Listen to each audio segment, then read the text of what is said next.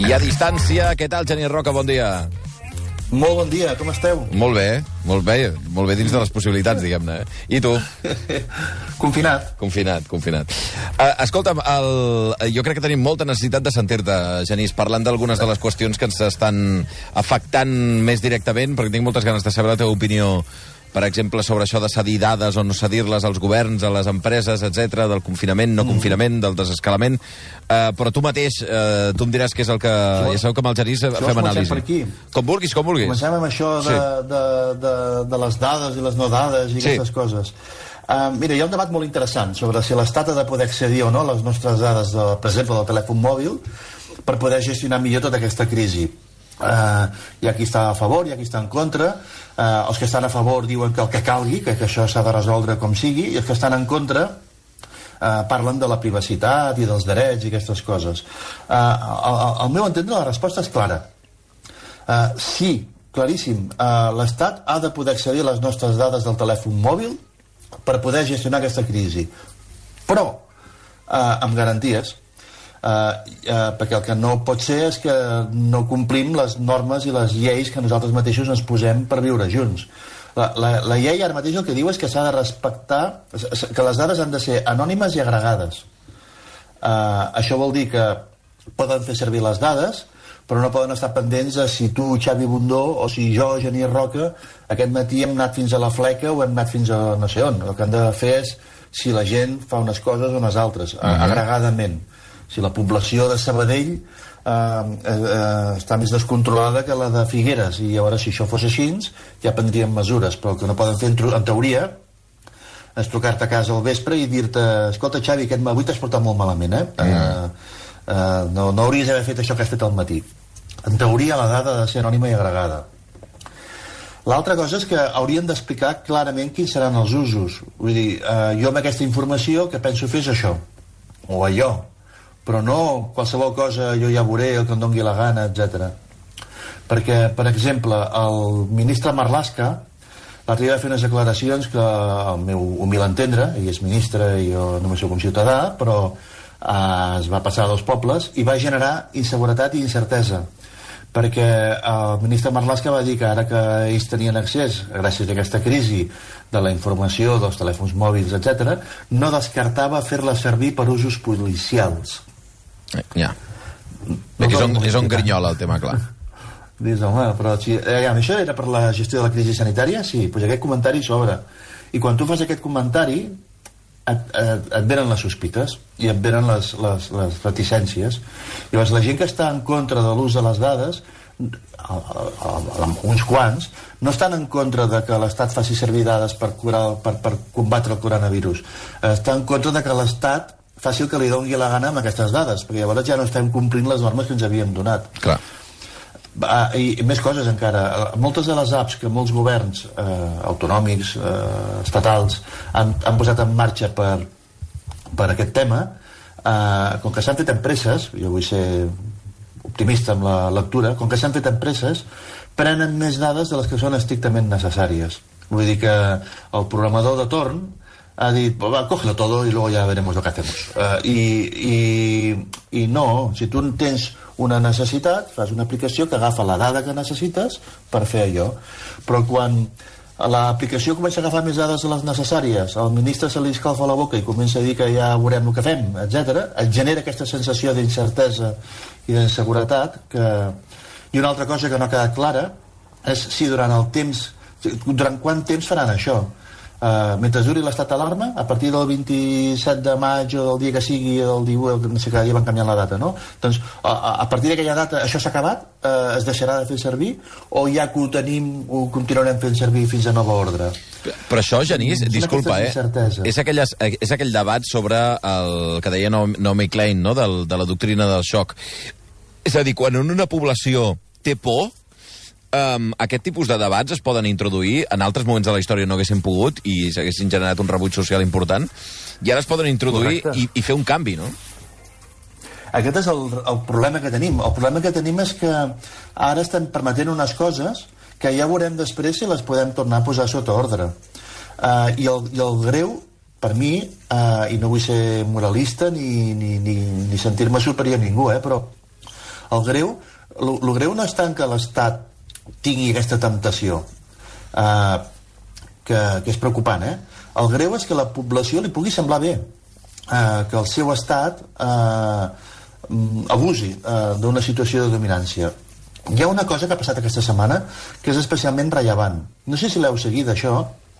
El CIS, el Centre aquest d'Estudis Sociològics, el, el centre aquest de l'Estat que fa les enquestes de sí, qual sí. és el nivell de confiança con la monarquia i quals són els polítics mejor valorados. El Centre d'Investigacions fa... Sociològiques, sí.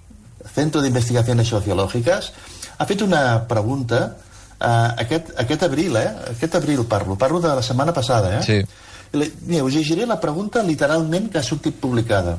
Literal, ¿eh? No, me no, li, no li poso decoració. ¿Cree usted que en estos momentos habría que prohibir la difusión de bulos e informaciones engañosas y poco fundamentadas en las redes y medios sociales?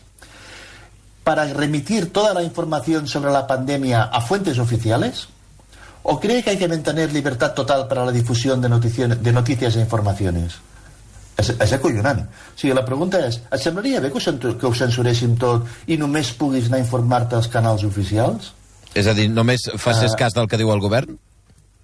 No, no, mira, que facis cas t'ho poden suggerir, bueno, però sí que... prohibirem, prohibirem la difusió de la informació no oficial. I el més greu, la pregunta és molt greu, em sembla a mi, eh, en un estat de llibertats, uh, però el més greu són les respostes. El 66% de la població encastada ho veuria bé i només un 30% ho veuria malament. Uh, I això després ho, ho divideixen per... Uh, ho, ho creuen amb intenció de vot, uh -huh. és a dir, associen la resposta a partit. Els votants del PSOE, 76% a, fa a favor de que es prohibeixi la informació, PP 57, Vox 56, Unides Podemos 66, En Comú Podem 67, Esquerra Republicana 62, Junts per Cat 55... Dius, home, mira, Junts per Cat 55 i el PSOE 76, hi ha una diferència. Sí, tothom per damunt del 50 i del 55%. Sí, sí. Ho trobo gravíssim. Tots els votants de qualsevol partit, més de la meitat dels seus votants, eh, eh segons aquesta dada, estarien Volia a favor... Que l'Estat... Sí. Sí, sí, censuri sí, de, la informació. De que, de, que, de que nosaltres ara aquí a la ràdio no, no informéssim sobre això i que la gent tingui que anar als mitjans oficials ostres, com a, com a, com a tendència de cap a on podrien derivar les coses, des del moment que algú té la genial idea de... Anem a preguntar-ho a la població, a veure com... Què passaria si ho fem? Eh, resulta molt inquietant. Va, anem amb, amb més coses. Eh, Genís, eh, m'has fet un titular eh, en, el, en el guió que, que em sembla que era evident, però que, però que ara agafa més importància, que és que sense internet doncs, ens sortiríem és una, és una evidència, no? Eh, eh, D'acord que hi ha molta activitat parada, molta gent amb ERTES a casa seva i tenim molts problemes, eh, però l'activitat la, que hi ha, la molta o poca activitat que pugui haver-hi, és perquè tenim internet. Sense internet Uh, no sé si jo ara podria estar-me connectant en directe amb vosaltres. Mm. uh, la meitat de les reunions de feina que es fan no es podrien fer la meitat no, totes. Uh, el contacte amb la família, aquestes videoconferències amb la tieta, amb la iaia perquè vegi el net que ja camina. Uh, tota aquesta cosa que estem, tota l'activitat que tenim l'oci, mirar pel·lícules seguir sèries uh, consultar els bancs enviant missatges aclarint-nos coses tot això que estem fent aquest dia a dia eh, no el podríem fer, hi ha gent que fa classes de ioga, eh, si no tinguéssim internet. Això vol dir que, el que si el món està aguantant de, social i econòmicament és perquè tenim internet. I també s'ha demostrat que sense internet eh, tu no podries eh, accedir al treball, no podries accedir a l'ensenyament, no podries accedir a la família, eh, els nanos que no tenen accés a internet ara tenen problemes per continuar amb la seva escolarització. És a dir, la meva hipòtesi és, si qui no té internet no té accés als serveis bàsics, uh, uh, i per tant internet hauria de ser un servei públic, com ho és l'ensenyament, la salut, la justícia o la seguretat. Si tu estàs malalt, tens dret a anar a un hospital, si, tu, si, et, si, et, si ets víctima d'un delicte, tens dret a anar a la justícia, si tens un fill, tens dret a anar a l'escola, i si ets ciutadà, hauries de tenir dret a connectar-te a internet i ara mateix internet no és un dret, és un servei eh, has de contractar amb una empresa privada, pagar-li una quota i si no tens la capacitat de connectar-t'hi eh, de pagar-li la quota t'has quedat sense internet, i si t'has quedat sense internet t'has quedat sense poder anar a la feina, sense poder anar a escola, etc. Total. Uh, és, és una proposta de reflexió. Uh, hi ha territoris uh, uh, rurals, etc que no tenen accés a internet perquè l'empresa privada és qui decideix on es fan les inversions. No és l'Estat, és l'empresa privada. Uh, per tant a mi em sembla que internet s'ha demostrat que no pot ser un servei que és un, uh, que, que és un dret i per tant ha de ser un servei bàsic i que l'Estat l'hauria de garantir. l'Estat hauria de garantir que tothom té accés a internet. Mm. uh, i, per exemple un, un exemple que faig servir l'Estat va decidir que era bo pel país que tinguéssim tren d'alta velocitat. Sí. cap empresa privada va dir jo faré la inversió i jo desplegaré les vies. És l'Estat qui va considerar que això era interessant i l'Estat va pagar la festa de desplegar tren d'alta velocitat a, Espanya. I després una empresa privada ho opera però el desplegament el va fer l'Estat. Ara mateix eh, Espanya és el, el, té la xarxa de trens d'alta velocitat més densa d'Europa la segona del món, només darrere de Xina, 3.400 quilòmetres d'AVE, 25 milions d'euros cada quilòmetre, i això ho ha pagat l'Estat perquè era bo pel país pues que faci el desplegament d'internet, que serà més barat. I, I sobre això, eh, Genís, ara feies totes aquestes reflexions de les coses que no podria fer sense internet, no? Eh, però s'ha posat de manifest eh, que determinades coses que ens deien que eren impossibles, o que pensàvem que eren impossibles, durant la crisi en, en, o estan sent possibles. És a dir, eh, que, que en el moment en què es dona una situació d'una certa complicació, dificultat, necessitat, de cop les coses que semblaven immutables, de cop, rep, i això, és, és, això demostra que som humans, eh? Vull dir, el, el veritable motor del canvi és la necessitat, molt més que he tingut una idea. Uh, havíem parlat molt de digitalització, de transformació digital, etc. I, i, i, i la, la paraula digitalització, uh, entesa com a transformació, té poc a veure amb tecnologia i molt amb maneres de fer. Uh, havíem insistit molt amb, amb, amb la necessitat de, de fer les coses d'una altra manera i, i pues, posaré un exemple que a mi m'agrada molt d'aquells dies uh, la, la carnisseria d'aquí al costat de casa uh, que era una carnisseria clàssica, no normal, com totes les carnisseries del món. No tenia web, no tenia e-commerce, no tenia carrito de la compra online, ni res de tot això. Ara hi vas, el tinc molt a prop i quan sortim a comprar és la carnisseria a la que anem, uh, uh, ara agafen comandes per telèfon i per WhatsApp i t'ho porten a casa. Sí, sí. Uh, I uh, per mi això és e-commerce. Uh, és a dir, al final, què és digitalització? Estar disposat a fer les coses d'una altra manera, orientar-te client i desplegar nous serveis. I això és el que està... Llavors, el normal és aprofitar la tecnologia per fer-ho. Mm.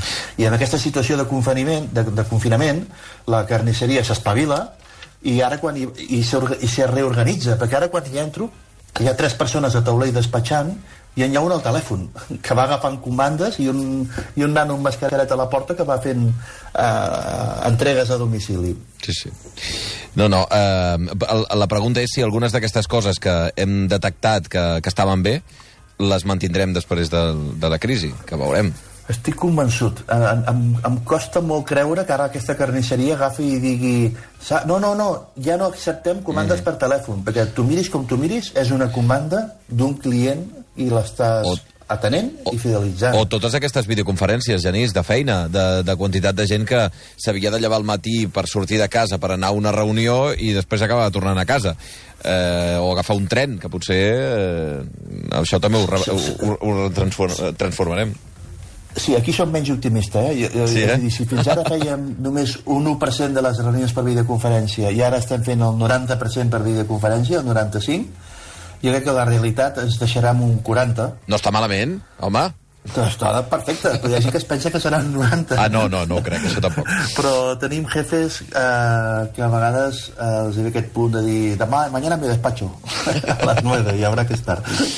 Genís Roca, com sempre, un plaer sentir una de les persones que més en sap de transformació digital de casa nostra. Una abraçada ben forta, Genís, cuida't. Molts records, cuideu-vos.